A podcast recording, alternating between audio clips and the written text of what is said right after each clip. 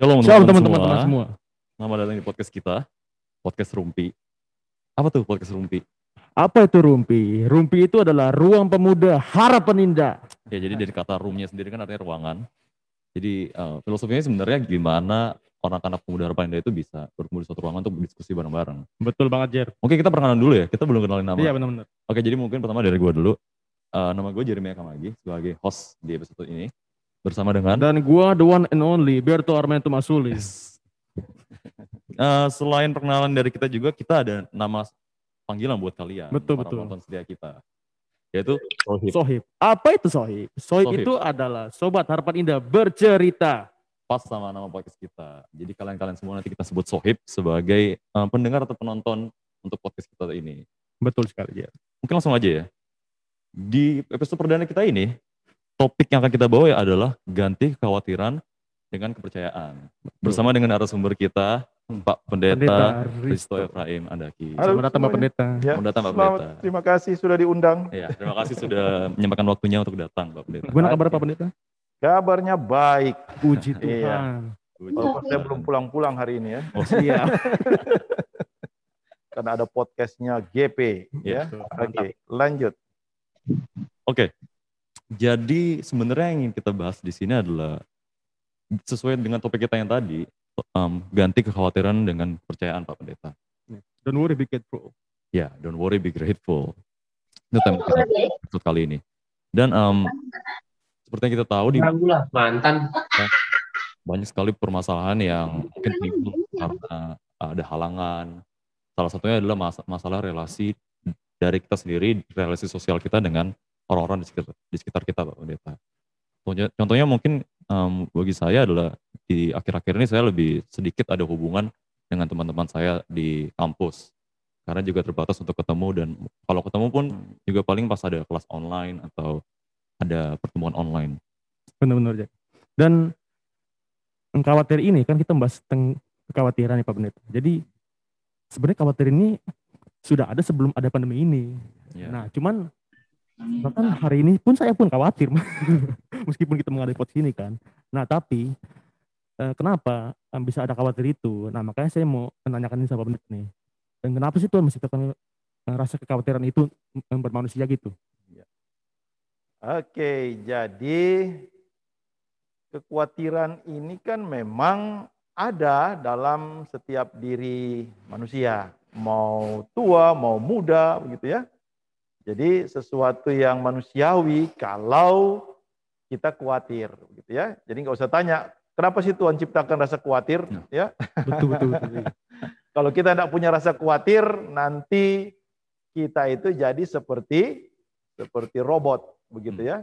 Ya, gitu ya. Jadi orang tidak justru kalau bagi saya kekhawatiran ini kan bisa membawa dampak positif, begitu ya. Karena dengan kekhawatiran itu kan orang bisa menciptakan banyak hal dan banyak peluang, ya. Kan begitu. Sama dengan orang mau apa?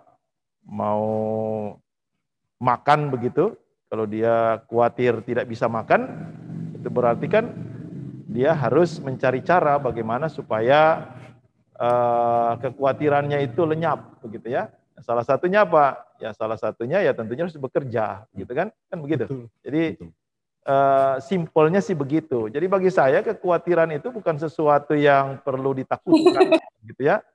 Karena kalau kekhawatiran ini menjadi sesuatu yang ditakutkan, maka kekhawatiran itu akan menghambat perjalanan hidup kita. Kan begitu. Ya. Jadi kalau orang yang dikuasai oleh kekhawatiran itu, ya otomatis dia tidak akan menjadi manusia yang kreatif, gitu ya. Nah, seperti itu kan. Sama dengan kita malam ini, kalau kita khawatir, nanti kalau kita bikin acara ini, ada nggak orang yang mau nonton Betul. begitu ya? Betul. Itu Mana hostnya laki-laki lagi dua-dua begitu ya? Saya juga berharap wanita sih. Ya. ya seperti itu ya. Iya, Oke. iya. Berarti khawatir itu sangat perlu Pak Pendeta. Nah, berarti gitu Jer. Jadi kita sebagai manusia itu harus ada rasa khawatir Iya bener untuk mencegah hal-hal yang negatif lah maksudnya Iya. eh, untuk sesuatu yang positif itu ada gitu Jer. Ternyata ada sisi positifnya, positifnya dari Iya, khawatir itu pasti sendiri. sih. Gak Bener cuma negatifnya aja. Bener-bener. Memang gue sendiri merasakan kalau tanpa kekhawatiran juga kita nggak bakal merasa jadi kayak manusia seperti tadi Bapak uh, beritahukan. Karena memang kekhawatiran sendiri adalah salah satu apa ya uh, arti bahwa kita ini masih manusia. Itu masih ada rasa khawatir. Iya. Kalau kita melakukan sesuatu yang jahat dan kita nggak khawatir, Iya, itu yang bahaya. banget. Itu negatif sekali. Itu bahaya. Berarti benar-benar benar. Berarti emang jika dipikir-pikir lagi, Tuhan menghadirkan rasa khawatir karena memang Tuhan sayang sama kita. Benar-benar. Bukan karena Tuhan uh, jahat sama kita sebagai anak-anaknya. Memang itu tujuan Tuhan menciptakan rasa khawatir itu pada kita. Iya, betul betul. Iya, oke. Jadi begini, kan kita sudah baca di Alkitab begitu ya. Iya, Pak Pendeta. Janganlah hendaknya kamu khawatir tentang apa pun juga. Ya, kan begitu. Kenapa sih Tuhan harus mengatakan seperti itu, gitu ya? Karena memang manusia itu diciptakan kan lebih dari semua ciptaan yang lain, gitu ya? Kan begitu. Jadi kenapa Tuhan bilang janganlah kamu khawatir? Karena Tuhan sudah menyediakan solusi untuk kekhawatiran kita, ya. Makanya kalau dikatakan eh, apa? eh, janganlah kamu khawatir itu berarti Tuhan sudah memberikan kita kemampuan yang luar biasa untuk eh, mengatasi keadaan-keadaan yang bisa membuat kita khawatir ya. Makanya kalau Tuhan Yesus bilang eh, berkaitan dengan kekhawatiran itu ya dia contohkan bahwa burung-burung di udara itu aja diberi diberi makan Ya. kan oleh Tuhan begitu ya. Nah, Betul. coba kita pikir bahwa burung itu punya otak sebesar apa gitu ya.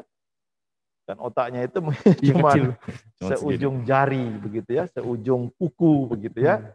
Dibanding dengan otak kita begitu ya. Mungkin kalau otak kita ini ya mungkin apa paling besar di antara semua ciptaan begitu dan paling komplit begitu ya. Makanya dikatakan bahwa sebenarnya kalau orang eh, katakan kenapa ada rasa khawatir, ya Tuhan mau supaya rasa khawatir, memang ada rasa khawatir itu, tapi Tuhan tidak mau kita dikuasai Hmm. oleh rasa khawatir itu, Khawatir. ya. Nah, seperti itu, ya. Contohnya banyak begitu ya. Kalau orang yang kalau anak-anak GP itu kan biasanya apa? Kekhawatiran yang paling utama. Em, mungkin khawatir tentang relasi pertemanan kita, Untuk Ya. pekerjaan. atau pekerjaan. Untuk yang Khawatir nggak dapat jodoh begitu ya. Iya. Ya, itu paling umum Pendeta. benar. Itu umumnya. Makanya orang katakan, bagaimana Pak Pendeta kalau khawatir kita khawatir nggak dapat jodoh? Jawab jasa sederhana, makanya mandilah, guntinglah rambutmu gitu ya. Jadilah keren begitu ya. Kan begitu. Kan Apa- supaya iya kan paling tidak begitu. Ya harapan kita sih ya supaya laku begitu ya. Iya. Apakah duit juga? Ya. Membantu.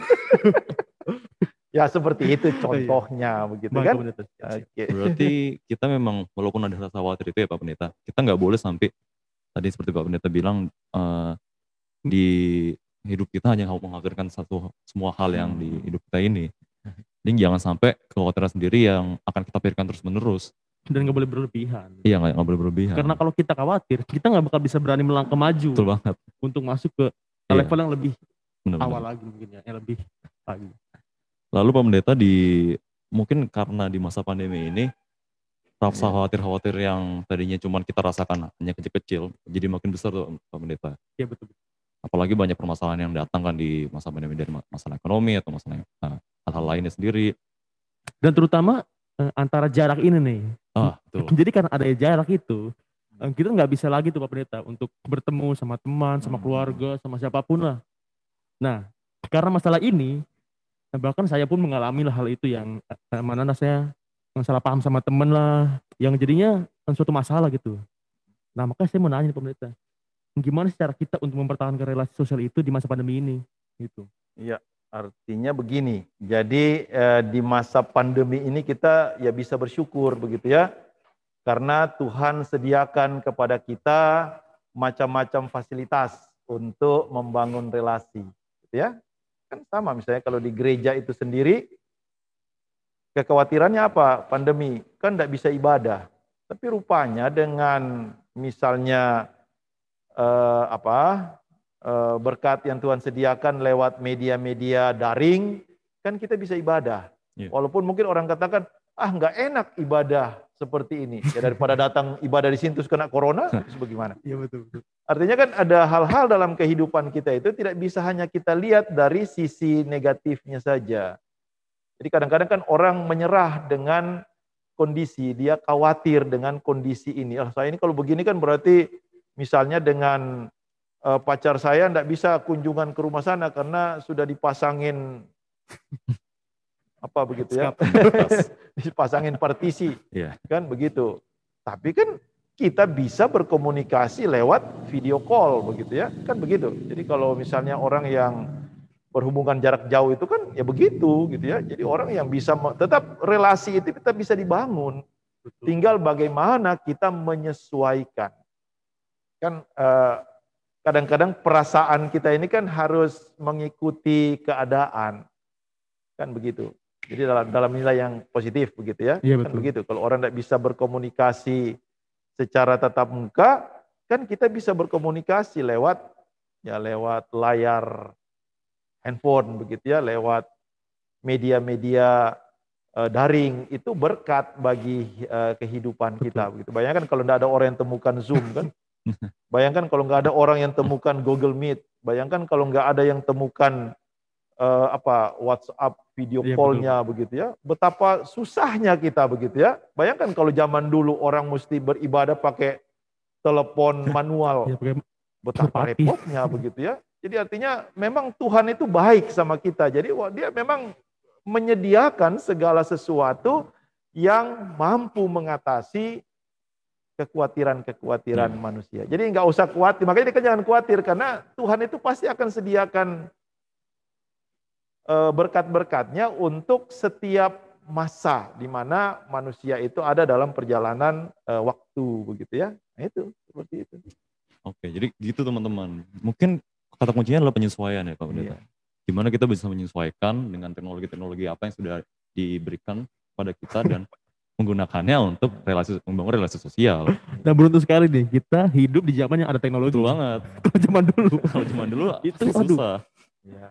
Apalagi um, kalau ada pandemi, aduh. Gimana? Susah sekali kayaknya. Kalau zaman dulu kita harus apa mencari sinyal di antara iya apa begitu ya pohon-pohon atau di antara bukit-bukit begitu ya saya kan pernah merasakan itu gitu ya jadi oh, iya, saya dulu pernah ada di, di ya, zamannya ya saya dulu waktu belum ada sinyal sekencang ini yaitu tadi uh, waktu saya di pengalaman di pospel ke saya di perbatasan antara Sumatera Barat dan Bengkulu itu ya saya kalau mau telepon itu harus ke Telkom dan itu naik motor selama tiga jam waduh sangat repot sekali baru bisa bicara gitu kan nah Nah memang ada sih supaya saya tidak capek, ah saya kerjasama dengan orang yang bisa yang namanya buka wartel di pospel ke hmm. saya.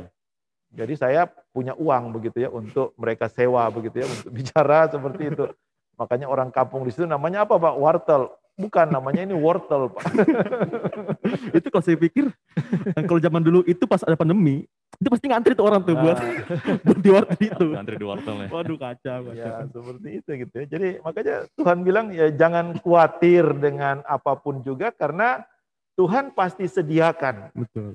Pada masanya. Sarana, fasilitas, eh, pendukung, penopang supaya ya manusia itu jangan sampai apa tenggelam di dalam kekhawatiran dan uh, kesusahan karena memang kadang-kadang dalam konteks kekhawatiran ini kan bisa menyusahkan kita karena ya misalnya itu tadi orang berpikir terus bahwa bagaimana ya saya bisa tetap muka dengan pacar saya. Hmm. Padahal nggak boleh tetap muka begitu ya. Kalau kita kepikiran hanya mau tetap muka lewat langsung kan berarti itu jadi beban gitu. Iya, kepikiran terus begitu ya. Sampai stres begitu, makannya nggak teratur. teratur, minumnya juga nggak teratur, akhirnya sakit gitu ya. Kan jadi parah kita hanya sesuatu yang sebenarnya bisa kita atasi dengan ya misalnya pakai video call ya, begitu kan. Betul. Kan begitu. Nah, itu salah satu contohnya saja ya. Itu makanya oh. jangan sampai jadi ketakutan lah ya kan. Nah, gitu uh, soal semua ya. Jangan pernah takut. Tapi mungkin permasalahannya untuk sekarang adalah walaupun kita sudah ada uh, teknologi-teknologi yang tersedia dan sudah disediakan video call, Zoom meeting, Google Meet. Mungkin permasalahan yang muncul sekarang adalah gimana banyak komunikasi-komunikasi yang kita jalani itu jatuhnya jadi miskomunikasi karena terbatasnya dengan teknologi. Jadi kalau kita ngomong sesuatu A, tapi didengar teman kita B karena ada misalnya di meeting itu jaringannya putus atau kondisinya lemot, kan menyebabkan masalah Iya juga benar-benar. miskomunikasi ini. Apa Pak Pendeta pernah ngalamin tuh hal itu? Ya, jadi begini, waktu saya datang ke sini kan internet kita ini jalan kaki gitu ya. Iya. Nah, ketika saya datang, saya tanya, kita pakai internet apa di sini? Oh, pakai itu Pak, IndiHome, berapa megabyte? 15 atau berapa ya? Kalau berapa be- iya, kalau begitu itu berarti kita akan jalan kaki gitu ya. Kita nggak bisa live dengan eh, kecepatan internet seperti itu. Kita harus ganti ya. Iya. Nah, kan seperti itu. Jadi artinya memang ada hal-hal yang untuk mengatasi persoalan itu kan ada yang harus kita lakukan. Dan memang yang harus kita lakukan itu ya sesuai dengan apa yang itu gitu. Apa yang kita pikir begitu ya. Apa yang Tuhan anugerahkan lewat otak kita yang superkomputer ini untuk mengatasi itu gitu ya. Jadi memang hal-hal tidak ada masalah di dunia yang tidak bisa diatasi Hmm. ya kan begitu. Walaupun mungkin orang katakan ya tapi kan orang juga mati Pak ya. Mati ya memang sudah ah, semua manusia juga bakal mati. Tapi kalau kita lihat perkembangan pengobatan, perkembangan medis, perkembangan teknologi itu kan paling tidak bisa untuk membuat orang misalnya usianya lebih panjang begitu kan? Kan seperti itu. Ya seperti sekarang gitu ya, misalnya kita pakai smartwatch begini. Jadi saya tahu detak jantung saya berapa gitu kan. Iya sekarang. Saya itu kalau sehari itu kan harus jalan 8.000 langkah. Jadi kalau tidak jalan seperti itu kan dia ingat eh kamu nggak sehat kan begitu. Itu kan luar biasa begitu. Kalau udah dulu mana tahu kita mau Iya. lari ke mana lari ke mana mau tidur tidur kak. Kalau sekarang kan mau minum aja diingatin setiap satu jam setengah dia mesti ter eh minum gitu masih minum gitu. Biarpun saya baru habis minum jam saya bilang minum eh sudah kan tadi. Sudah. Ya, jadi, robot ya. ya seperti itu begitu. Jadi artinya ada hal banyak hal dalam kehidupan kita. Kan misalnya saya khawatir, saya khawatir ini saya sakit ginjal gitu kan. Tapi kemudian ada misalnya jam saya ini yang bisa menolong saya. Itu berarti apa? Kan kekhawatiran saya tidak akan terjadi karena karena saya rajin minum untuk apa supaya cairan tubuh saya tidak kurang, kan itu menolong saya. Jadi saya tidak perlu khawatir lagi kan segala sesuatu sudah dijalani sesuai dengan eh, apa standar yang Standar. eh, ada standar Iya. kesehatan gitu kan.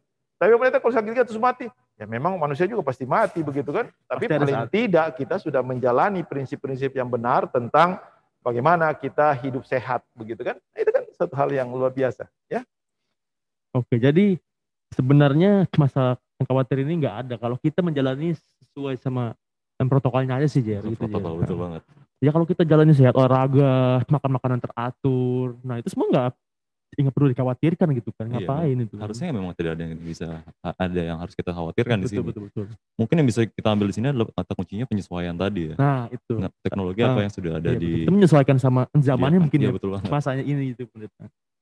Tapi sekarang mungkin selain dari masalah kita dengan sesama kita Pak Pendeta yang muncul di, di era pandemi ini, kita juga ada masalah dari kita pada Tuhan sendiri. Iya pribadi masing-masing. Iya, jadi pribadi masing-masing kita itu mungkin di masa pandemi ini mungkin ada yang lebih dekat, tapi ada juga yang malah menjauh dari Tuhan karena permasalahan yang datang atau Hmm. karena tidak tidak sesuai dengan situasi yang ada, tidak bisa menyesuaikan itu Pak Pendeta. Kalau Oh. saya sih em, ngerasa ya saya merasa eh, agak kurang itu sih karena ya, ba- yang balik lagi karena ini kan eh, cuman di zoom aja gitu Pak Pendeta. Jadi eh, kalau nggak langsung kayaknya ada yang kurang gitu kalau sama saya. Jadi nah itulah yang buat saya jadi eh, kayak relasi saya ini eh, mulai berkurang nih kan sama Tuhan gitu. Nah, jadi kalau lu jar ada nggak jar?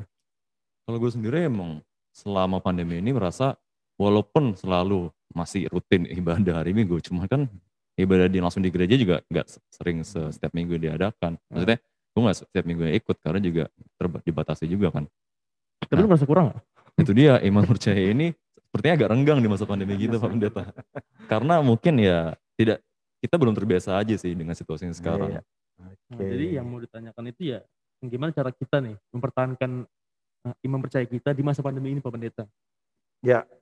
Pertanyaannya mungkin saya akan tanya ke belakangnya. Sebelum pandemi memang situ berimannya kuat. Nah, itu dia tuh. Itu soal itu. Gitu so, Jadi jangan Sudah, sampai nanti pandemi ini jadi biang kerok bilang katakan bahwa saya kok jadi kurang beriman karena soal ibadahnya jadi pakai daring begitu ya. Padahal sebelum-belumnya juga berdoanya juga malas, baca Alkitabnya juga malas begitu ya. Juga. Terus Itu jadi apa kita seperti itu gitu kan? Kadang-kadang kan orang ini suka begitu. Ini nggak enak loh ibadahnya seperti ini. Emangnya sebelum pandemi sih itu rajin ibadah, gitu ya, rajin baca Alkitab, rajin berdoa, rajin datang eh, apa eh, ibadah-ibadah di semua tempat. Kan artinya banyak hal dalam kehidupan kita ini iman itu dibawa sesuai dengan rasa. Kan begitu. Iya. Di mana ceritanya iman itu harus sesuai dengan selera kita. Kan begitu. Beriman itu kan melakukan sesuatu sesuai sesuai selera selera Tuhan. Kan begitu. Jadi kalau kita beriman sesuai selera kita, ya banyaklah pasti nggak enaknya begitu ya. Pasti banyak kecewanya begitu ya. Coba kita beriman, kita bangun satu pemikiran kita bahwa beriman itu adalah bagaimana saya mengikuti seleranya Tuhan. Kan begitu. Nah, di saat pandemi ini kan seleranya Tuhan itu apa? Ya supaya kita berdoa, supaya kita beribadah, supaya kita berserah kepadanya. Kan begitu. Bukan persoalan, oh saya datang nih harus begini baru iman saya tumbuh.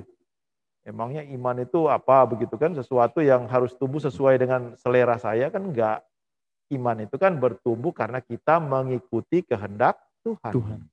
Jadi jangan berpikir bahwa iman itu bertumbuh karena ah saya sih pengennya itu kalau lagi ibadah GP makannya babi panggang deh begitu ya. Wow, menarik sekali. Iya, atau kalau GP itu duduknya ya karena udah lama nggak duduk di samping si A yang cantik, jadi kalau duduk di sebelah A yang cantik, wah iman saya naik 250 ribu persen. Kan nggak begitu gitu ya. Betul, betul. Jadi orang datang beribadah itu kan yang pertama-tama ada di kepala kita, eh ini seleranya Tuhan, ya. Mau ibadah di mana pun, ya ini seleranya Tuhan. Anda belum pernah beribadah ya, jalan kaki dulu berapa kilo, baru datang Kebetulan ibadah itu pernah. pakai lampu Petromax. Pernah nggak begitu? belum pernah Pak. Belum Nah itu pernah. dia begitu ya. Jadi kalau kita sekarang ini enak lah ibadah duduk-duduk pun santai-santai eh, di kursi itu sambil minum kopi bisa ibadah. Kalau zaman ya waktu zaman saya pelayanan ke daerah terpencil itu ya kami harus jalan dulu berapa kilo ke arah hutan sana sampai di sana ketemu dengan misalnya orang-orang pedalaman itu yang tidak pakai baju tinggalnya di rumah-rumah yang panggung begitu yang nggak ada dinding dan kita ibadah di situ Hmm, gimana Pak Pendeta? itu di daerah eh, Lubuk Banggai ya ya jadi kalau Banggai itu ada satu tempat namanya suku Simpang itu jadi kita kalau mau ketemu mereka harus naik ke gunung Di Kalimantan itu? di Sulawesi Oh, Di Sulawesi. Iya, jadi artinya kita mesti ketemu mereka. Kalau ketemu mereka itu, jadi mobil itu parkir di pinggir jalan, kemudian kita harus jalan kaki ke atas dua jam sampai tiga jam gitu ya. Nah itu baru kita ibadah. Ibadahnya pun itu kadang-kadang kalau masih bagus kalau ada lampu Petromax, biasanya pakai lampu teplok begitu ya, atau pakai obor. Nah itu gitu ya. Jadi artinya dengan kondisi itu ketika saya lihat sekarang, waduh, anak-anak GP nih ibadahnya pakai layar di rumah pun pakai smart view begitu kan, taruh di TV, mukanya orang kelihatan semua begitu ya. Mau pakai suaranya, bassnya tinggi, treble-nya kencang begitu ya, twitternya kan tinggal kita atur begitu ya. Jadi memang itu tadi, kalau kita mau mengikuti seleranya Tuhan, ya sukacita lah gitu kan yang kita lakukan gitu ya. Jadi jangan mikir begitu, oh saya ibadah ini selera maunya saya begini, maunya saya begini. Nanti pengurus GP tuh bingung begitu ya. Ini 10 anggota maunya 20 begitu ya. Kan jadi repot begitu ya. Jadi artinya kalau orang datang beribadah itu dengan apa eh, motivasi bahwa eh kalau saya ibadah ini yang mau diikuti itu maunya Tuhan bukan maunya saya, gitu kan? Makanya orang akan beribadah itu dia akan duduk tenang. Kalau di apa diminta untuk membaca Alkitab dia baca, disuruh minta berdoa dia berdoa begitu ya. Kenapa? Ya karena saya tahu ini Tuhan yang minta, ini maunya Tuhan bukan maunya saya. Kan begitu. Jadi memang eh, apa eh, cara berpikir kita itu kan memang mesti ubah tentang bagaimana sih kita membangun iman itu gitu ya. Jadi membangun iman itu bukan karena selera saya gitu ya. Itu karena seleranya Tuhan. Tuhan memperlengkapi kita supaya kita bisa berpikir bagaimana melengkapi sarana ibadah itu agar kehendak Tuhan itu bisa dilaksanakan. Kan seperti sekarang begitu ya, kan dia bisa ibadah langsung tiba-tiba eh ada Zoom begitu, iya. ada kita bisa live sekarang live. begitu ya. Kan ini suatu berkat bagi kita sebenarnya gitu ya. Jadi apa yang kita lakukan sekarang? Mengikuti maunya saya. Ya kalau maunya saya ketemu langsung gitu kan. Tapi iya, kan ini maunya Tuhan bukan kalau Tuhan bilang Ya kalau mau ikut maumu sendiri kan semua ketemu kumpul di sini rame-rame foto-foto ketawa-ketawa buka masker pulang corona semua kan begitu. Jadi kan tidak berhikmat namanya hmm, itu betul. ya. Nah itu yang penting ya. jadi gitu jadi mungkin jangan berfokus pada diri kita sendiri ya, tapi fokusnya kepada Tuhan. Karena kita juga nggak menyesuaikan untuk diri kita sendiri ibadah gitu sesuai semua. Tapi ya sesuai apa yang maunya Tuhan itu dia ibadah. Jadi emang percaya kita berarti ya Pak Pendeta. Memang tidak tertuju pada diri kita sendiri, cuman ya memang kita orientasinya kepada Tuhan ya Pak Pendeta. Iya. Ya, dan harus dipertanyakan lagi nih, tujuan eh, anda ibadah itu ngapain kan? Iya. ah, bukan uh, untuk mengiman tapi ya tujuannya dulu apa nih untuk beribadah atau bertemu sama teman atau sama cewek-cewek cantik. So, so, semua. Kita gak ada tahu tuh kan. So, so, semua mungkin bisa tanya diri sendiri tuh, apa tujuan kalian beribadah? Lalu hmm, dari kembali lagi ke situasi pandemi ini, karena mungkin ini kembali ke apa ya pembahasan yang sebelum-sebelumnya pembahasan yang barusan tadi tentang iman kepercayaan kita Pak Pendeta. Sekarang mungkin banyak orang-orang yang merasa bingung dan dengan khawatir juga sih karena kurangnya hubungan yang kuat terhadap Tuhan karena yang tadi sudah dibahas tadi. Apa ya Pak Pendeta solusi, ter, solusi terbaiknya biar kita ini bisa lebih apa ya meningkatkan hubungan kita dengan Tuhan walaupun masih seperti ini situasinya Oke, jadi ya fokus melakukan apa yang Tuhan uh, inginkan, ya. Kadang-kadang kan kita ini apa begitu ya, uh, datang kepada Tuhan kalau kita punya masalah, begitu ya, kan iya, begitu.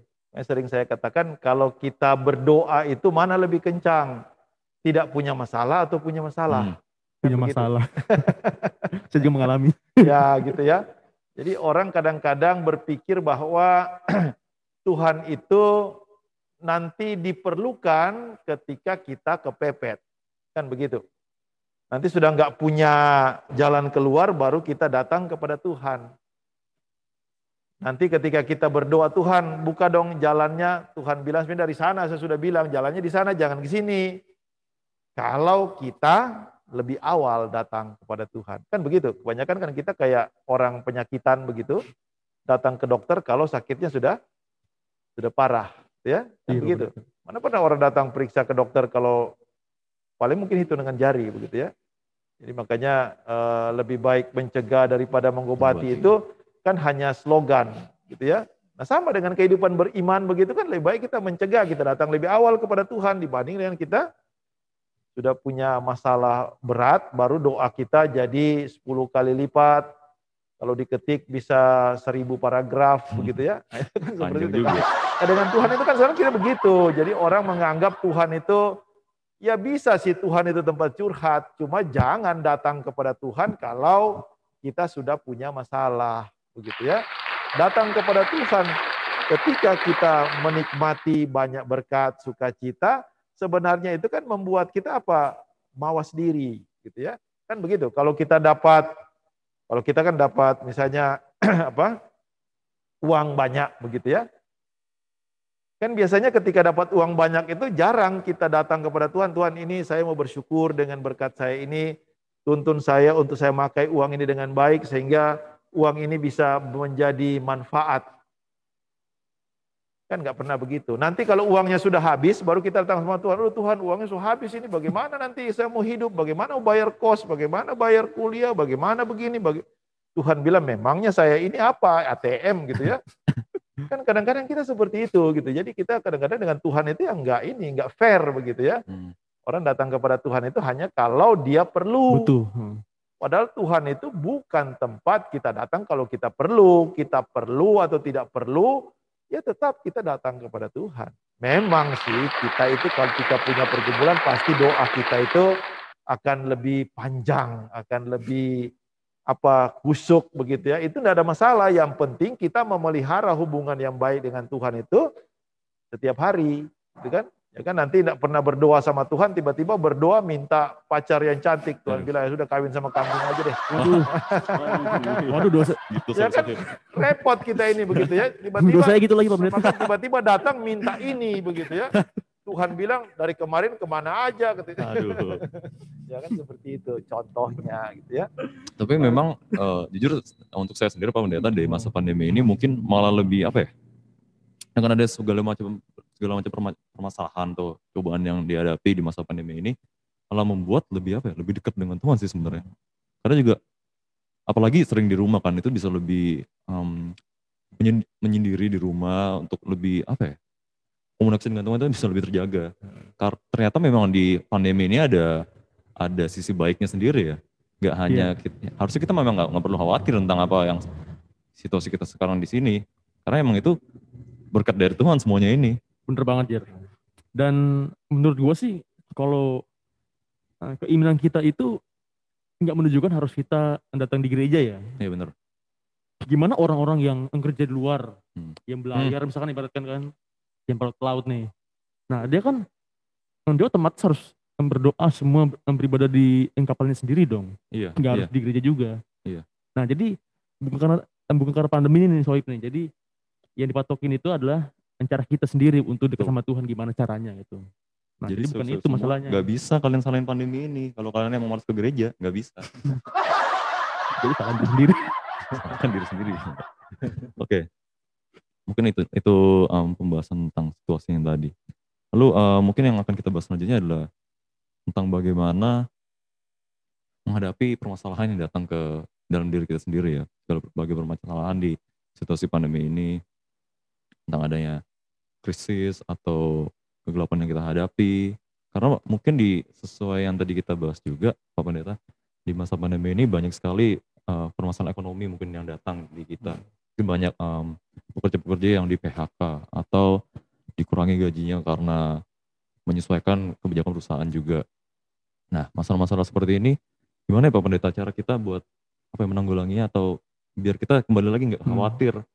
Masalah-masalah duniawi ini yang datang kepada hidup kita Dan khususnya ini. eh, untuk orang-orang yang di PHK gitu kan. iya Sekarang masa pandemi ini dan ya mungkin yang belum dapat pekerjaan karena dia baru eh, lulus kuliah. iya. atau Nah. mungkin juga beberapa yang kehilangan saudara atau teman terdekatnya Nah itu dia karena tuh. virus Yang COVID-19 buat- ini Nah, yang buat kita jadi sedih lagi jadinya tuh. banyak banget kan orang-orang yang merasa lebih sedih karena hal-hal macam ini Pak Pendeta. Itu gimana ya Pak Pendeta cara kita menghadapi berbagai macam permasalahan yang datang ke diri kita? Iya. Eh, jadi kalau saya itu selalu menjadi lebih kuat ketika masalah itu ada. Hmm. Kan begitu. Jadi eh, bagi saya itu masalah itu menjadi cara Tuhan untuk mengajar kita yang pertama-tama bagaimana kita tetap beriman kepadanya. Kan begitu. Yang kedua, melalui masalah-masalah itu justru kita punya banyak pengalaman, ya. Kan betul begitu. sekali. Betul. Ya, jadi jangan takut dengan masalah, ya. Memang sih kita nggak minta supaya masalah itu datang gitu kan. Dan kita jangan berdoa sama Tuhan, Tuhan karena masalah itu bisa membawa hikmah, kasih aja saya banyak masalah. Enggak, enggak begitu doanya sesat kalau begitu ya. Gitu ya. Ya Ya. apa-apa kita jalani saja kehidupan ini dengan apa?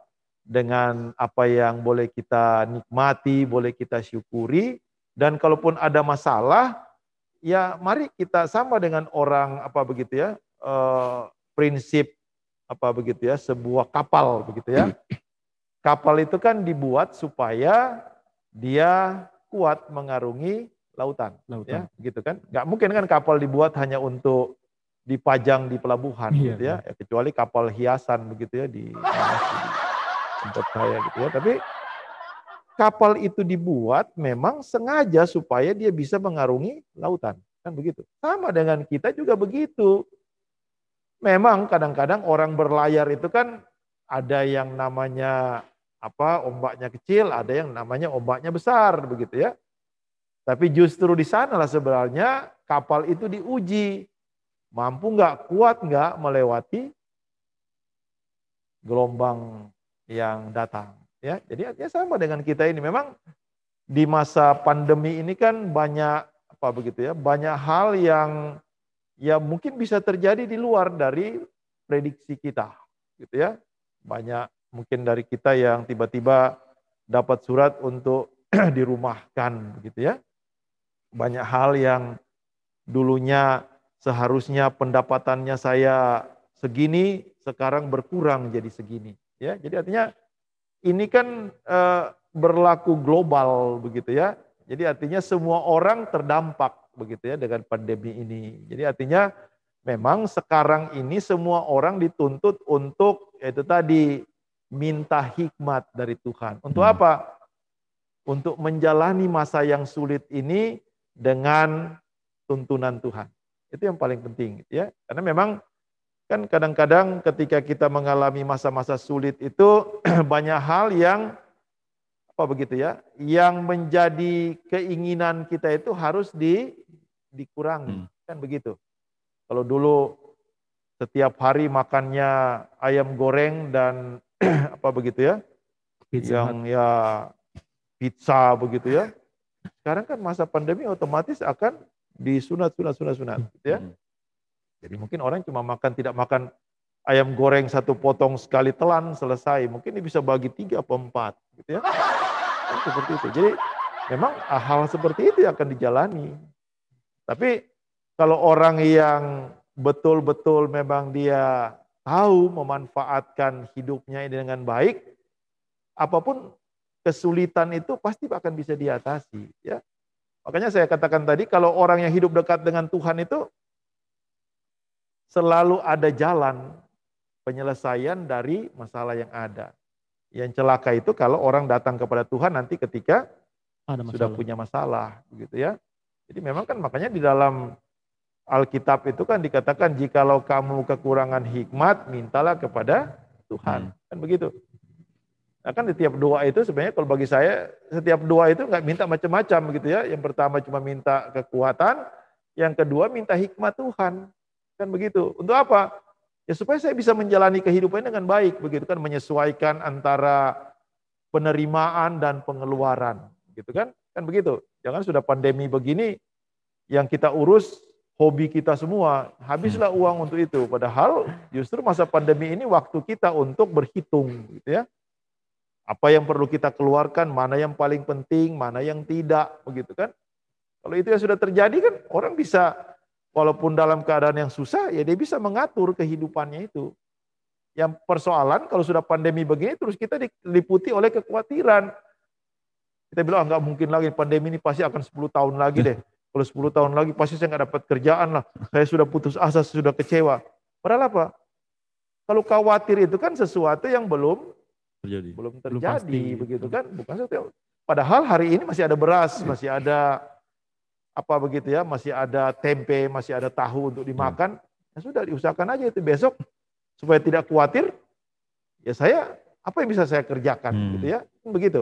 Apa yang bisa saya buat begitu ya? Kan seperti itu. Jadi mungkin kita lihat orang tua kita, oh mereka saat ini lagi pengurangan apa begitu ya, tenaga kerja. Yang mereka sepertinya perlu untuk ditopang, dikuatkan. Lah saya bisa bikin apa? Ya mungkin kalau dulu saya kerjaannya cuma kasih habis uang orang tua minta uang terus tiap hari, ketika dengan keadaan begitu saya nggak minta uang. Saya apa yang bisa saya kerjakan ya supaya saya bisa membantu orang tua saya. Hmm. Kan Cara berpikirnya harus seperti itu. Saya kalau nggak seperti itu kan kita sudah susah kita bikin beban lagi untuk orang tua kita. Ya, betul, betul. Nah, itu seperti itu ya. Intinya adalah tadi mungkin lebih ke ini, ya, gimana sih kita merencanakan ya untuk kehidupan kita yang selanjutnya. Jadi kita Dan bisa lebih prepare aja. Betul betul. Iya. Dan kita harus manage ya. Emang akhir-akhir, eh, maksudnya di awal-awal pandemi itu yang gue tahu juga banyak orang-orang terutama nih soif-soif nih banyak tuh yang belanja-belanja online tuh karena gabut di rumah nggak mau ngapain malah ngabisin uang. Padahal kan pandemi ini harusnya kita lebih bisa was-was dan lebih bisa mengatur keuangan kita. Jangan sampai malah karena kita terlalu banyak pengeluaran, malah bikin kita um, malah bikin kita khawatir karena kurang uang di, di akhir bulan dan buat kita malah jadi kepikiran jangan kayak gitu. Betul Intinya betul. kita harus minta hikmat ke Tuhan. Dan kalau bisa mendingan kita arahin aja gitu ke hobi kita tuh kayak olahraga, Hmm. Hobi yang lebih eh, mancing juga bisa tuh bagus. bermanfaat ya. Dapat ikan kan. Ikut saya Bisa kalau mancing. Wah itu, gua saya suka mancing Pak Pendeta. hobi saya mancing juga tuh, mancing olahraga itu. Oke, eh, mungkin kita langsung lanjut ke sesi selanjutnya ya. Oh, iya. Ini adalah sesi Ya tanya jawab. mungkin eh, masih ada yang mau ditanyakan sama Kayaknya sudah cukup sih. Jeremy. Lu masih ada yang tanyakan? Ya kayaknya sih ada kali ya. Oke.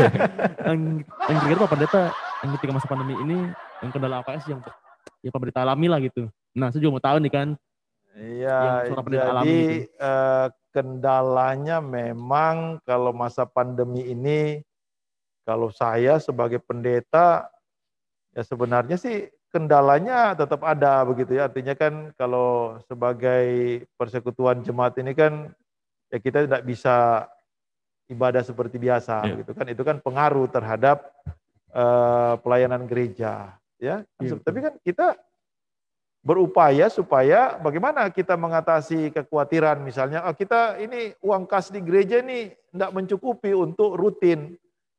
Makanya dibukalah ibadah Hmm. dengan protokol kesehatan yang ada. Kemudian ya saya bagaimana supaya jemaat itu memahami apa pelayanan yang ada? Ya saya harus kunjungan kan begitu. Kalau saya cuma di rumah khawatir ya gimana ya mengatasi ini Padahal Tuhan bilang, ya pergilah kunjungan sana, pergi ketemu orang, pergilah apa siaran sana, pergilah berkhotbah. Maka persoalan itu akan teratasi, ya kan begitu. Jadi dengan begitu sebenarnya dengan apa melakukan apa yang menjadi kehendak Tuhan kan itu berkatnya Tuhan tambahkan. Makanya prinsip firman Tuhan itu kan harus jelas begitu. Carilah dahulu kerajaan Allah dan kebenarannya maka Semuanya akan Tuhan tambahkan kepada kita. Lah kita ini baca-baca Alkitab tapi nggak yakin gitu dengan firman Tuhan ya percuma lah kita baca-baca Alkitab begitu ya. Kita pikir Alkitab itu kayak apa begitu ya, kayak kata-kata mutiara. Bukan Alkitab itu bukan kata-kata mutiara. Dia itu pedoman supaya kita bisa menjalani hidup ini dengan baik. Hidup Betul. kita ini jadi berkat bagi banyak orang, Banyak orang. jangan bikin susah begitu ya. Ya tadi kalau bilang lagi masa pandemi, sudah tahu apa apa masih belanja online belanja lipstick melulu padahal orang pakai masker ya bibir merahnya nggak kelihatan ngapain beli lipstick apa yang begitu kan tunjukin ya kan. ya seperti itu contohnya Oke, mungkin lanjut, langsung aja ya. Boleh, boleh. Sesi selanjutnya. Jadi sesi ini adalah sesi tanya jawab atau sesi Q&A buat kalian semua. Para sohib-sohib semua yang udah ada di Zoom ini, Zoom meeting ini. Kalian bisa langsung tanya aja ke kita ataupun ke, untuk ke Pak Pendeta. Apa pertanyaan-pertanyaan akan kalian, mungkin kalian sudah bertanyakan sejak dari awal pandemi ini dan kalian bingung nih. Kalian mau tanya ini tentang apa aja lah. Tentang, apalagi tentang topik yang kita ada, yang kita bahas ini. Oke, eh, nanti jika yang ingin nanya bisa langsung eh, unmute aja ya, unmute dirinya sendiri, lalu perkenalan dulu juga namanya siapa, setelah itu baru boleh langsung bertanya pertanyaannya, gitu teman-teman. Soib-soib semua. Oke, jadi siapa siapa yang mau bertanya silakan bertanya ya. Silakan. Oke, yang kita persilakan untuk soib soib kita semua. Silakan yang mau bertanya silakan siapa? Mungkin ada yang mau nanya, Pak gimana sih caranya biar lebih cepat dapat pekerjaan ya? Wah, itu ide bagus sekali tuh. Kan mungkin banyak yang bingung gitu soib-soib di rumah. Atau Wah, kayaknya Mas, gimana biar lebih fokus untuk kuliah. Ayo soib-soib. Sinyal saya agak jelek ya. Waduh. Kacau. Oke, oke. ya tanya apa aja lah nggak apa-apa. Ya, silakan soib. Iya. Silakan ya silakan tanya yang Asal berhubungan jangan- dengan asal jangan tanya yang matematika dulu ya Waduh. itu pertanyaan sangat sulit buat Apa aja asal jangan matematika ya sohib. Matematika, juga bingung jawabnya kimia, gimana. atau fisika jangan ditanya ya Ayo silakan Oke, siapa nih yang mau silakan. bertanya nih? Siapa nih yang mau bertanya? Oke, Kak mau- Vega Joan itu. Oh, cantik sekali. Siapa yang mau bertanya duluan? Silakan.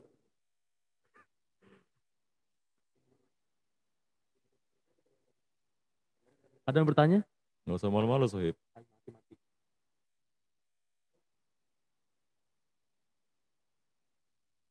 Silakan.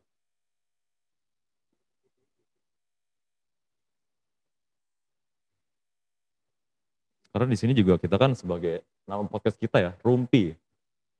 Ruang Pemuda Harapan Indah. Harapan ini. sebagai pemuda-pemuda harapan ini tempat kita semua. Jadi nggak usah takut-takut kalau mau nanya apa pun. Ini juga nama kalian Sohib, Sobat. Harapan Indah Indah bercerita. bercerita. Makanya ayo Jadi bercerita nggak dong cuma dari kita, kita kita dong. aja, tapi dari kalian juga. Ayo guys, come on guys. Kalian bercerita pada kita. Jadi kita saling ada apa ya, timbal balik Betul. lah ya. Siapa nih yang mau bertanya nih? Ayo, ayo. Pada kalian atau dari kita. Silahkan. Ayo silakan, silakan. Biasanya kalau apa eh, anak-anak GP kan pasti punya banyak masalah. Iya pasti ya. ada masalah kan kalian Apalagi semua Sohib. cinta Iya. Pak Pendeta. Aduh. Masa nggak ada masalah sih? Ya, Jujur aja lah. Masalah ya berarti sehat-sehat semua. Berarti Tuh, luar nggak biasa sehat katanya. yang Kalian sekali. sehat nggak Sohib-Sohib? Masa nggak ada masalah nih? Ya silakan. Eh, saya mau bertanya, Oke. Dengan siapa di mana? Siapa mau bertanya silakan. Eh, nama saya William Syafaan. Oke William. Siapa siapa? William. Oh William. William. Silakan pertanyaannya apa? Perlu kenalin dari sektor gak? Nggak Oh, ya? boleh silakan. Boleh. Oh, boleh. Apa? Eh, saya dari sektor 4 mau bertanya Oke. Silakan.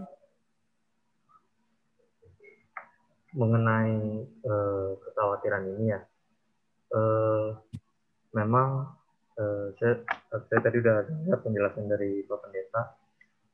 Eh, udah nanggap juga ya bahwasanya memang kita eh, sebagai manusia yang memang pastinya khawatir, tetapi tidak boleh eh, khawatir ini menguasai diri kita. Tetapi yang pernah saya rasakan juga ini adalah sebuah realita juga bahwa memang masih banyak orang yang merasa dirinya kuat dan merasa orang lain lemah yang merasa khawatir ini. Jadi terkadang sesama Kristen pun tidak saling mensupport rasa khawatir ini. Tetapi di luaran sering mm, seolah-olah mereka adalah yang paling merangkul teman-temannya. Padahal maksudnya gini, eh, saya sendiri juga merasakan bahwa saya khawatir gini, khawatir ini, tapi khawatir ini selalu disepelekan orang. Apalagi orang eh, Kristen sendiri. Bahwa orang, orang ini paham bahwasanya saya khawatir aku butuh disupport. Jadi gimana supaya kekhawatiran ini tidak di, ya tidak menguasai diri saya, tapi saya sendiri pun tidak dibantu oleh orang-orang Kristen itu sendiri. Jadi ada rasa sepi dan tidak hanya khawatir juga sih, tapi ada rasa sepi dalam diri saya dan juga ada rasa sendirian ya, tidak ada dukungan dari sesama saya, kayak gitu. Kira-kira apa yang harus saya lakukan kalau saya tidak mendapat support dari orang-orang sama dengan saya, misalnya orang-orang Kristen ya. Terima kasih. Oke. Terima kasih William atas pertanyaannya. Give applause. For William.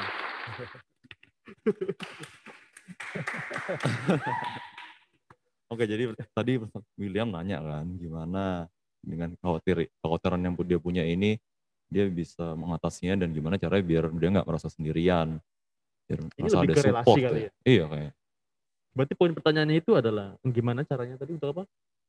biar bisa mengatasi kekhawatiran ini dan biar tidak merasa sendirian. Kira-kira bagaimana ya? Mungkin kita tanya Pak Pendeta aja.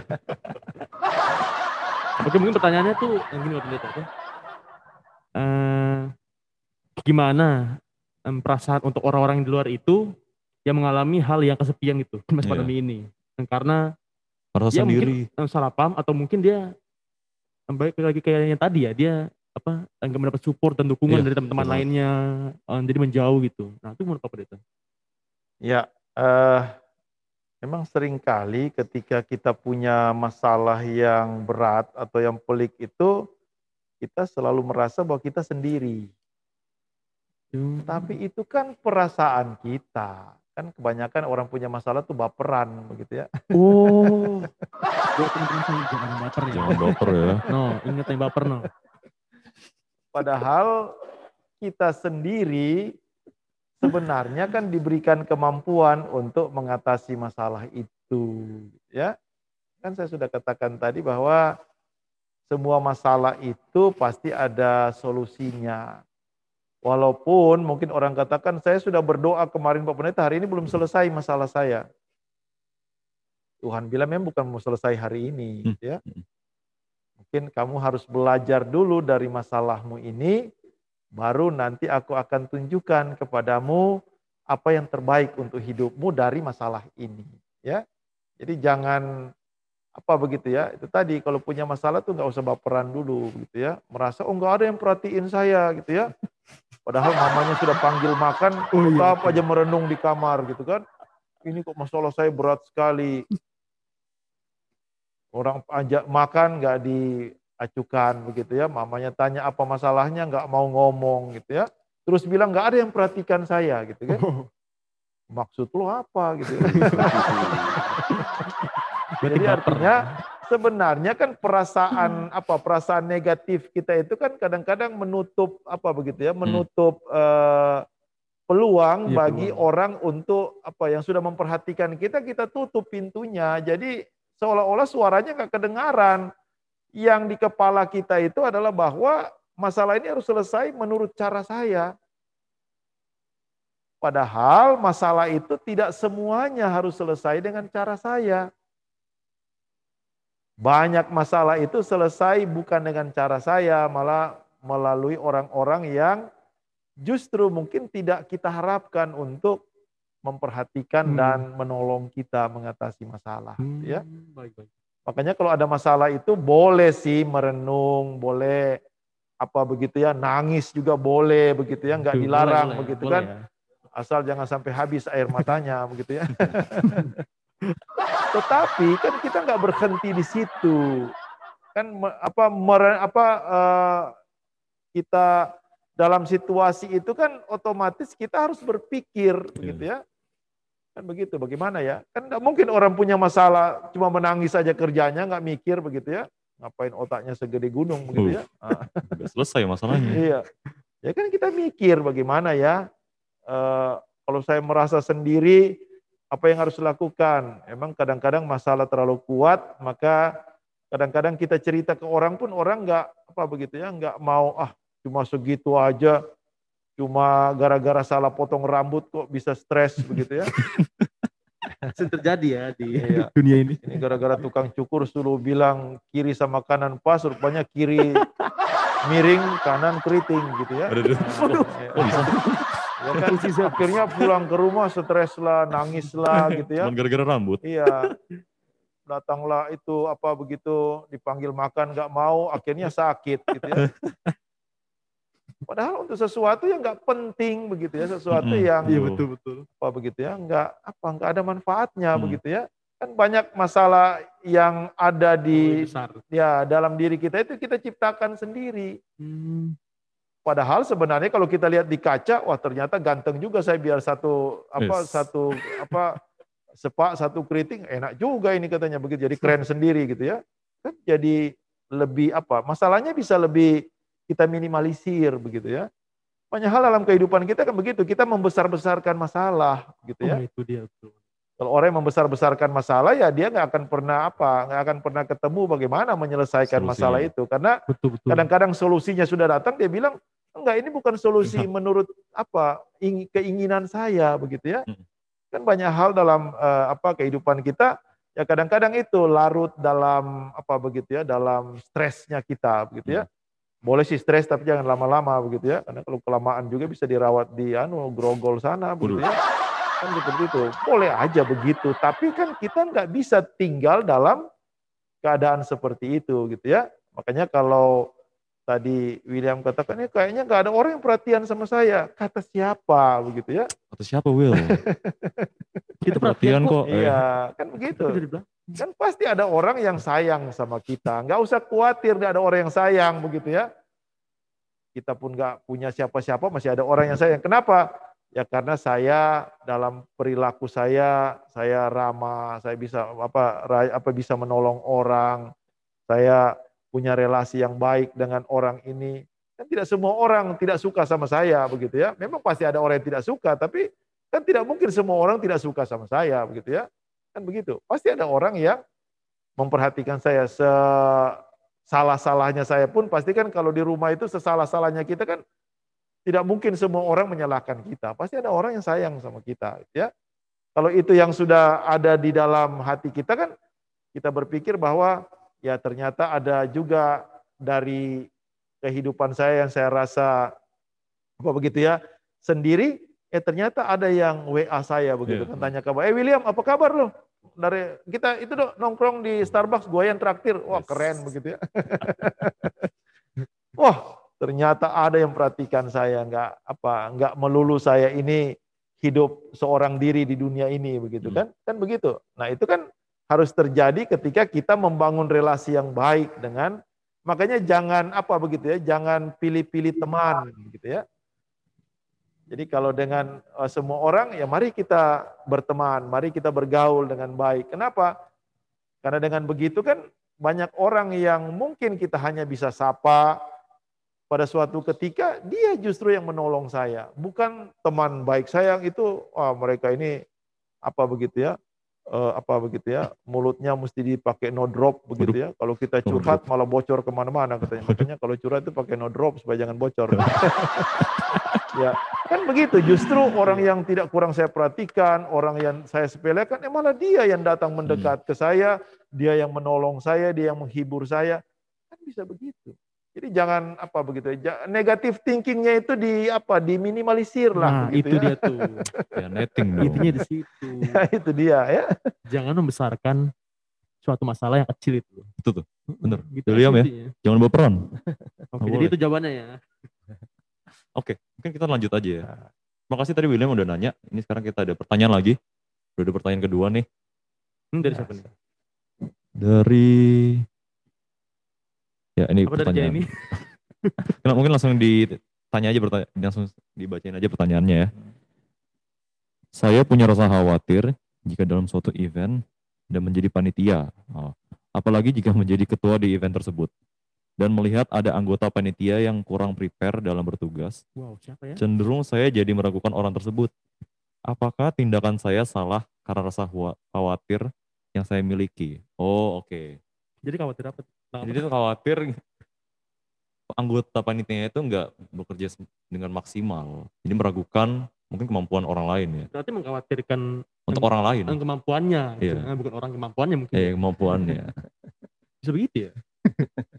ya bagaimana ya Pak Pendeta ya? Jika kita Pendeta? khawatir Ya. untuk orang lain. itu yang saya katakan tadi memang pikiran-pikiran negatif itu kan harus diminimalisir memang eh, kita mungkin bisa khawatir gitu kan eh saya ini jadi ketua panitia saya harus IO kegiatan ini saya lihat kok ini anak buah saya ini payah semua begitu ya Wow.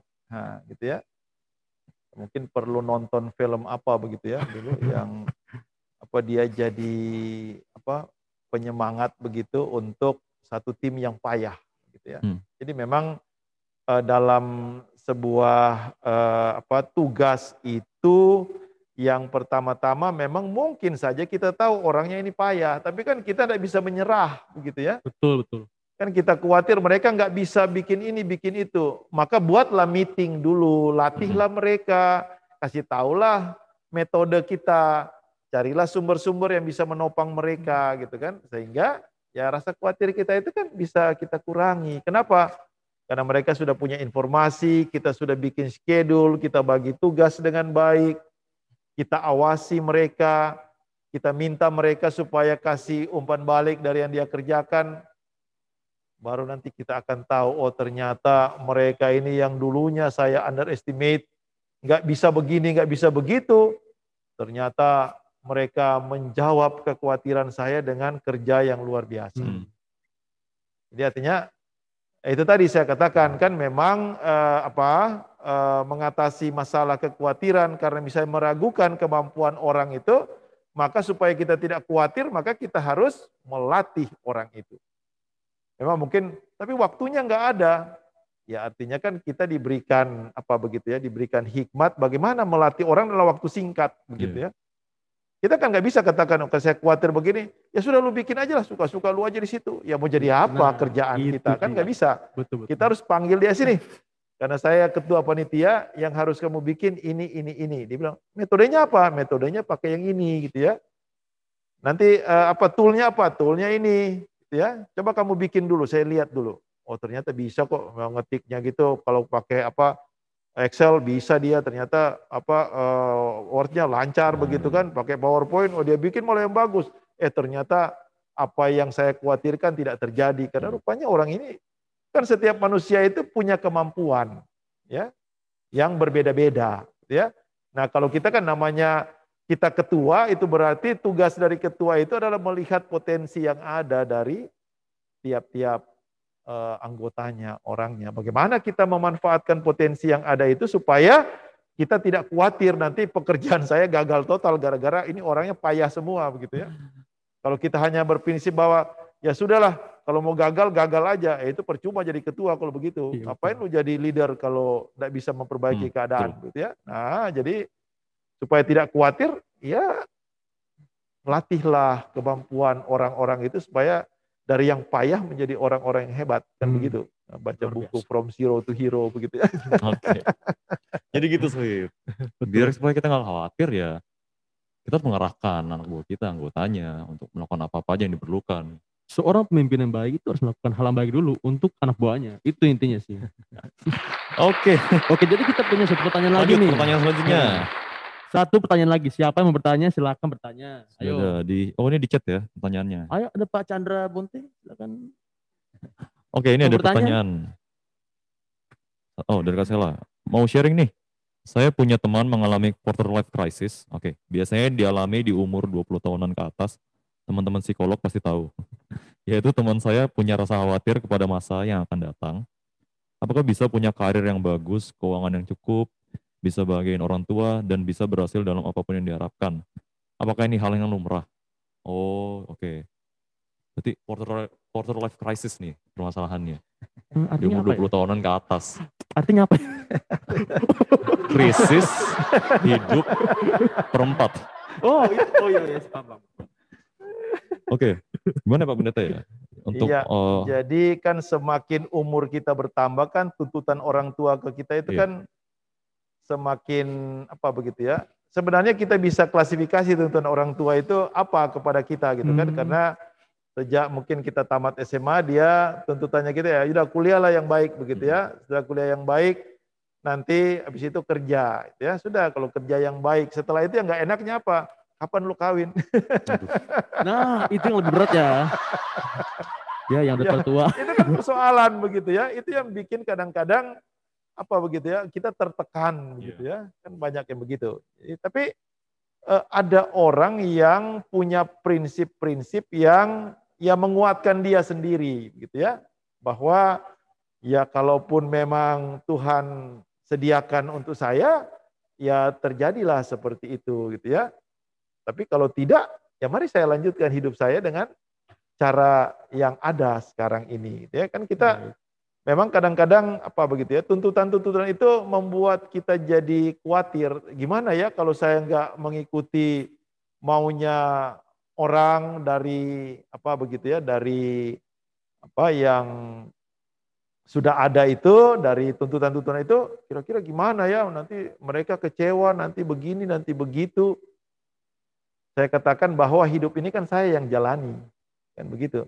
Segala keputusan berkaitan dengan hidup dan masa depan saya itu kan ada di saya.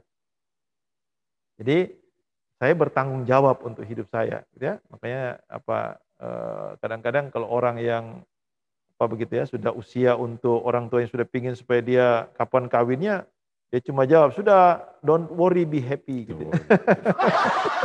Jalani aja. ya, jalani aja kehidupan ini gitu kan.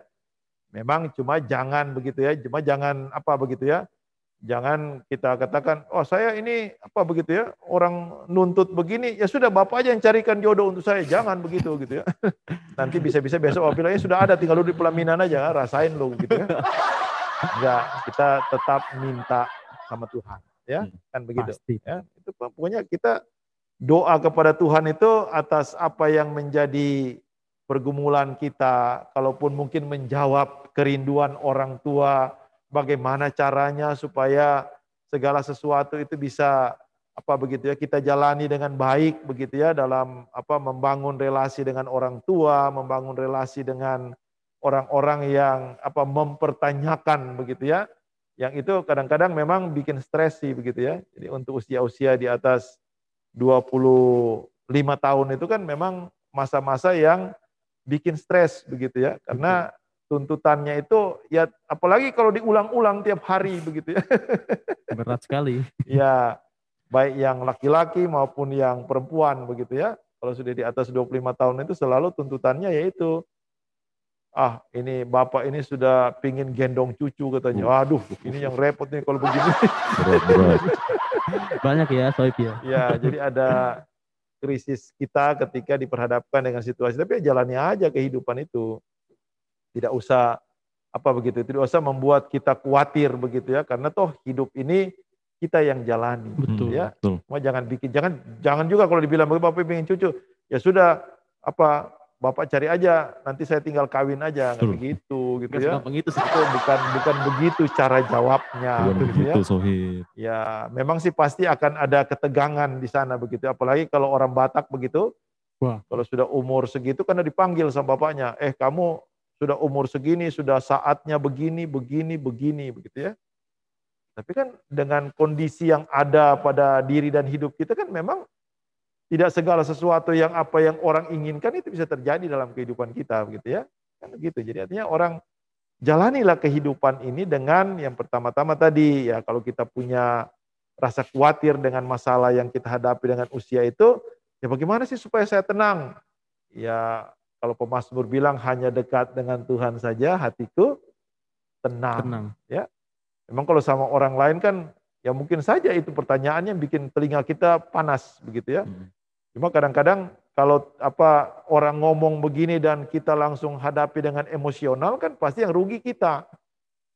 Kan begitu. Kadang-kadang kan orang diomongin begitu nggak ada ada hujan memang apa ya memang belum jodohnya marah-marah balik kepada orang itu. Kan yang rugi kita sebenarnya. Jadi ya kita hadapi aja sesuatu yang ketika ditanya dengan kita dengan orang bilang ya hadapi saja dengan senyum begitu ya. Begitu gitu kan. Kan kadang-kadang ya susah begitu ya. Kadang-kadang orang tua itu yang apalagi yang tua-tua banget begitu. Kapan kawinnya kita nggak jawab dia marah coba kita tanya sama dia kapan matinya Aduh. Luar biasa sekali. Itu jangan ditanya begitu Jangan, sama Sohib, jangan ya. oma-oma nanti oma-omanya Jangan ya. marah loh sama kalian gitu ya, ya Oke, gitu jadi Sohib. Intinya ya, don't worry, be grateful.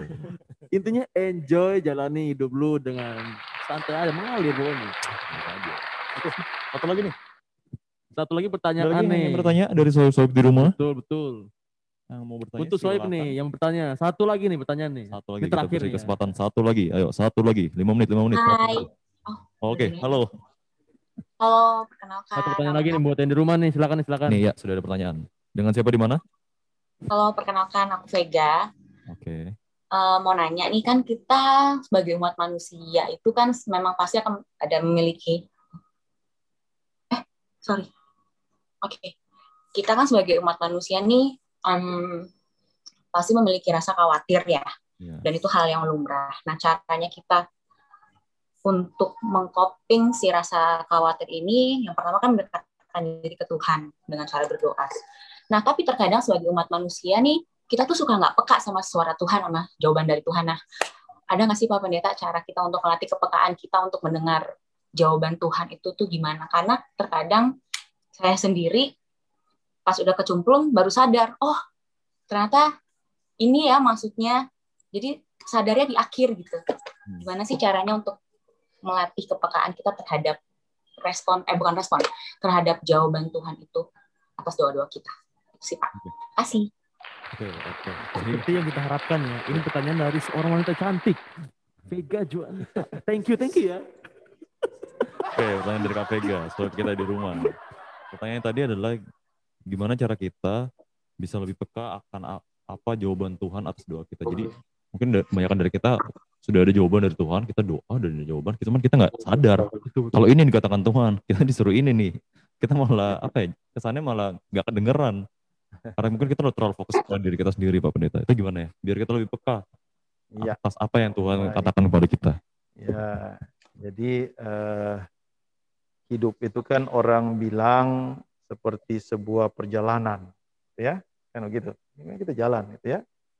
Memang kadang-kadang di jalan itu eh, apa begitu ya, eh, kita fokusnya ke mana kalau jalan itu gitu ya kan begitu kadang-kadang kalau jalannya rusak ya pasti mungkin kita lebih konsentrasi begitu ya untuk Betul. melihat jalannya tapi pernah nggak ketika mungkin perjalanan kita itu tidak enak begitu menjengkelkan fokus kita ke mana? Ke hal yang menjengkelkan atau ke hal di luar daripada eh, hal yang menjengkelkan itu Hmm. ya? Jadi saya pernah naik mobil begitu ya ada saya bawa ibu-ibu begitu sama anaknya. Terus di jalan itu dia apa begitu ya, ribut begitu ya karena kan kita sebelah kanan itu pasti kontainer lewat begitu ya dan setiap kontainer itu dia ribut itu kontainer dia ribut. Apa yang anaknya bilang? Ma nggak usah matanya ke kontainer udah matanya bawa ke sana aja sana kan sawahnya bagus Iya. begitu ya ya seperti itu jadi memang kalau tadi bisa melihat bagaimana apa begitu apa tadi ya bisa punya apa ya begitu ya punya Eh, kepekaan terhadap kepekaan, Hmm, terhadap eh, bagaimana cara Tuhan menolong kita ya seperti tadi begitu ya. Jadi memang kita tidak fokus kepada masalah begitu ya. Hmm. Jadi kalau orang hanya fokus kepada masalah ya dia melihat bahwa ini jadi beban terhadap hidupnya begitu kan. Orang hanya harus melihat bahwa ternyata dari masalah ini banyak yang Tuhan mau tunjukkan hal yang baik gitu ya.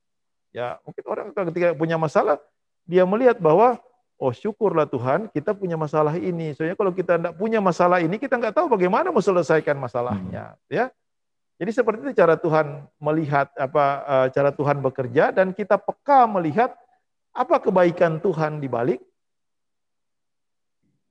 masalah-masalah yang kita hadapi gitu ya. Jadi memang eh, hal seperti itu karena kan Tuhan ya sama seperti kemarin kan misalnya Esra berdoa begitu kan. Kan di Alkitab nggak ditulis bagaimana cara Tuhan menolong Esra. Hmm. Tapi di sana dikatakan bahwa perjalanan mereka dari pembuangan sampai ke Yerusalem selamat gitu ya. Mungkin orang katakan ya bagaimana ya cara Tuhan bagaimana Esra peka kepekaan itu hanya terjadi kalau kita terus hidup mengandalkan Tuhan. Tuhan. Ya. Kan begitu. Jadi kalau orang yang hidup mengandalkan Tuhan itu itu tadi dia dijauhkan dari kekhawatiran. Memang ada sih pasti rasa khawatir, tapi kalau orang bangun pagi itu dia sudah berdoa, kan begitu. Kan biasanya bangun pagi itu kita ngapain? Bangun pagi itu baca WA dulu atau status dulu begitu ya. Betul sekali ya. Betul. Jadi kalau orang yang pagi-pagi itu dia sudah berdoa, dia sudah berserah kepada Tuhan, dia tahu bahwa saya mampu menjalani hari ini dengan baik. Kayak katakan ada masalah, ya banyak pasti masalahnya begitu ya.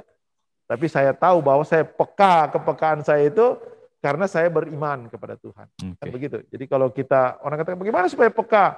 Ya orang yang beriman kepada Tuhan itu peka atas apa yang mau Tuhan buat dalam hidupnya. Memang kadang-kadang kepekaan itu bisa di awal, bisa di tengah hidup kita, eh di, di antara yang terjadi bisa di belakang begitu ya. Kan begitu. Kan tidak ditentukan kapan sih kita peka. Tidak ada waktu misalnya pakai apa begitu ya, pakai alarm begitu. Oh, ini Tuhan tolong, ini enggak, ini Tuhan ini belum, ini kan enggak gitu ya. Iya.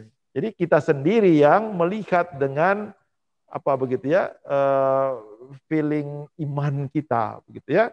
Orang melihat bahwa eh, ternyata kita semesti ke kanan, nggak boleh ke kanan itu rupanya harus ke kiri gitu ya. Semestinya saya itu bangun pagi sudah hari Minggu itu tidak boleh bermalas-malasan, tidak boleh duduk nonton TV. Saya harus siapkan diri atau untuk beribadah kepada Tuhan di gereja. Artinya apa kita tahu? Oh itu bah- berarti Tuhan menolong kita, mengingatkan kita lewat Roh Kudus bahwa eh hari ini harinya Tuhan, kita harus beribadah kepada Dia. Kan begitu. Jadi itu kepekaannya seperti itu. Jadi bukan kepekaan seperti apa begitu ya? Seperti maps begitu. Oh begini, oh, belok kiri, belok kanan, belok kiri, belok bukan, bukan begitu ya. Cara Tuhan nggak seperti itu caranya gitu ya.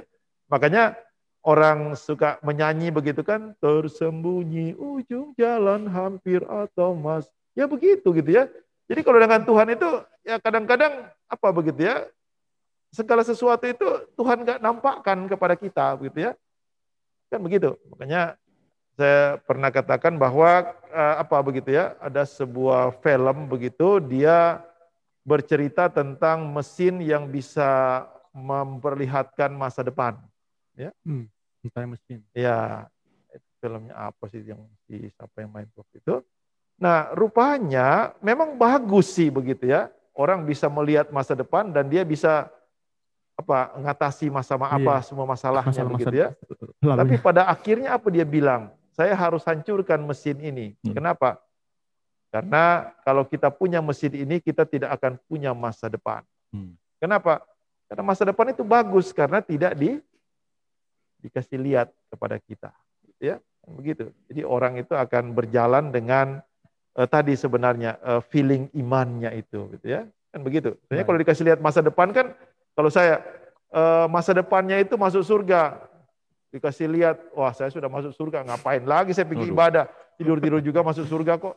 segampang itu ya. Nah iya kan begitu. Jadi kalau orang dilihatkan masa depannya itu ya, ya kita nggak jadi nggak punya masa depan. Orang Hmm. akan mungkin akan stuck di sini. Hmm, orang tidak akan gitu berarti. tidak akan berusaha supaya saya bisa Seperti bertemu dengan Tuhan sambil melakukan kehendaknya. Gitu kan? Iya, kan kalau di Alkitab melakukan kehendak Tuhan ya berarti kita menerima anugerah keselamatan. Kalau kita kita lihat eh nama saya sudah ada di sana loh, sudah dicatat di sana, sudah kelihatan saya jalan kaki masuk surga.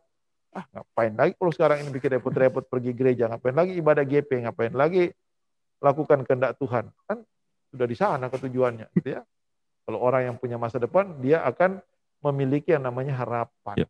Kan begitu. Kalau harapan itu aturannya apa? Harapan itu kan harus diperjuangkan. Kan begitu. Orang Ya. yang punya harapan untuk sehat kan dia harus ya kalau dia sakit harapannya apa sehat. Ya supaya sehat ngapain? Ya harus minum obat lah ke dokter lah begitu kan. Nah, Iya, seperti betul. itu. Jadi memang kalau tadi Vega bilang, ya bagaimana sih kita bisa punya perasaan bahwa ya apa gitu ya, eh, Tuhan beserta, Tuhan menolong, ya itu memang harus dijalani hidup ini dengan berserah kepada Tuhan. Kalau itu yang sudah terjadi, kita akan tahu di mana sih tangan Tuhan yang menolong itu terjadi dalam hidup saya. Kan kadang-kadang Tuhan bilang, ya sudah kamu jalani aja lah dulu jalannya yang rusak itu gitu ya. Supaya kamu tahu enaknya jalan yang tidak rusak gitu kan. Kan begitu. Kadang-kadang kan kalau saya pulang ke apa sana ke rumah itu kan jalannya hancur banget begitu ya. Kalau lewat-lewat lewat Tarumajaya sana mau ke apa sana. Tapi ketika saya jalan di jalan yang apa jalan tol tadi saya eh, enak banget jalan tol ini begitu ya. Jadi beda dengan saya jalan saya yang tapi saya belajar bahwa dengan saya ada di jalan yang mulus ya saya bersyukur oh ternyata selain dari jalan yang rusak itu masih ada juga jalan yang bagus. Hmm. Hidup kita kan begitu. Hmm. Yang pada satu sisi kita katakan ah ini kayaknya Tuhan nggak ada di sini, feeling saya ini jalannya rusak, berarti Tuhan nggak beserta. Di mana Tuhan nggak beserta? Dia mau mengajar kita bahwa eh kalau kamu ada jalan rusak ini, ketika kamu ada jalan baik, apa yang terjadi? Eh bersyukur kita ternyata tidak terus ada jalan rusak, kita ternyata punya juga jalan yang baik. Ya, jadi itu bagian dari cara Tuhan untuk mengajar kita. Jadi artinya orang beriman itu kan selalu tidak tidak apa begitu, tidak ada tidak ada alarmnya begitu. Eh Tuhan ini ada, ini Tuhan ini tidak ada. Tuhan itu selalu ada bersama-sama dengan kita. Hanya memang caranya dia menolong kita kan itu berbeda-beda caranya. Sehingga ketika orang hidup dalam imannya itu tanpa dikasih tahu pun dia sudah tahu. Ah ini saya mesti bersyukur dengan keadaan ini. Ya, jadi kalau orang katakan di mana Tuhan menolong saya, setiap kali saya bersyukur saya tahu Tuhan menolong saya. Ya, Jadi gitu sobat di rumah. Jangan fokus ke masalahnya, tapi selalu andalkan Tuhan aja. Ya, terima kasih ya sobat yang udah tanya. Tanya di close ya, di close. Sekarang udah kita tutup. Karena nggak cukup kalau mau dilanjut lagi. Masih Oke. banyak sih. Tapi ya mungkin nggak cukup. Mungkin yang mau bertanya lagi bisa di episode selanjutnya ya. Betul. Ini di episode selanjutnya. Oke, lanjut aja kita ke sesi selanjutnya. Kita langsung kesimpulan aja ya. Ya mungkin Pak Pendeta punya kesimpulan nih untuk akhir acara ini nih. Statement buat yang kita nah, akhirnya. penutupan nih kan. Yang pertama saya mau baca dulu Filipi pasal 4 ayat 6 ya. Iya. Janganlah hendaknya kamu khawatir tentang apa pun juga tapi nyatakanlah dalam segala hal keinginanmu kepada Allah. Ya. Jadi artinya eh, firman Tuhan ini jelas mau mengarahkan kita untuk tidak menjadikan rasa khawatir itu sebagai penghalang untuk kita maju, berkarya, melakukan sesuatu untuk kehidupan ini.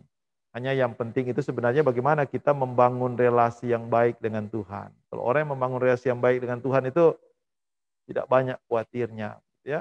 Justru yang banyak itu bersyukur ya. Jadi ganti rasa khawatir itu dengan selalu bersyukur. Kalau orang yang selalu bersyukur itu khawatir itu tidak akan menguasai kita. Amin, amin. Ya. Nah, itu yang paling penting. Jadi artinya kalau eh, saat ini kita berserah kepada Tuhan, ya artinya kita tahu bahwa Tuhan selalu memelihara hidup kita. Nggak usah khawatir, Tuhan itu pasti memelihara hidup kita, gitu ya. Itu sudah janjinya kok begitu ya.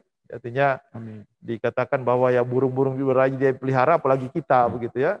Kita ini kan diberikan eh, apa karunia kemampuan yang luar biasa untuk meng, apa menjalani kehidupan ini. Jadi jangan apa begitu, jangan membuat apa kemanusiaan kita jadi rendah gara-gara kita khawatir gitu ya. Kan kita semua punya potensi, kita semua punya kemampuan apalagi kalau badannya sehat. Kalau orang yang badannya sehat terus mengeluh dan khawatir itu berarti ada yang salah dari apa begitu ya, dari cara berpikirnya. Ya, justru kalau kita orang-orang muda ini kan dengan tubuh yang sehat, tubuh yang baik, kesehatan yang baik, kesempatan itu selalu Tuhan sediakan bagi kita, mari kita pakai semuanya itu agar ya hidup dan masa depan kita itu bisa kita jalani dan kekhawatiran itu tidak menguasai kita. Ya. Oke, demikian ya kesimpulannya ya. Untuk nih. Terima kasih Pak Pendeta sudah datang sebagai narasumber kita di episode Oke. perdana kita ini. Semoga episode-episode selanjutnya kita bisa mendatangkan narasumber-narasumber yang seperti Pak Pendeta ini. Sangat informatif sekali untuk kalian-kalian para Luar biasa. sohib-sohib di rumah. Dan juga terima kasih kepada sohib-sohib di rumah yang udah datang di berpartisipasi di acara kita ini. Terima kasih yang sudah nanya. Terima kasih semua dan Dan mungkin stay tune ya Oke. untuk dua minggu lagi ya. ditunggu episode kita selanjutnya, episode Iya. 2. Ya. Betul, bro. Thank you semua. Bye, dadah. Bye Oke, bye. dadah, sampai Goodbye bertemu. semuanya. Iya.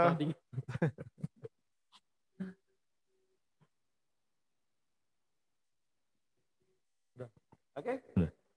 Oke. Udah. Terima kasih semua. Pendeta, terima kasih. Ya.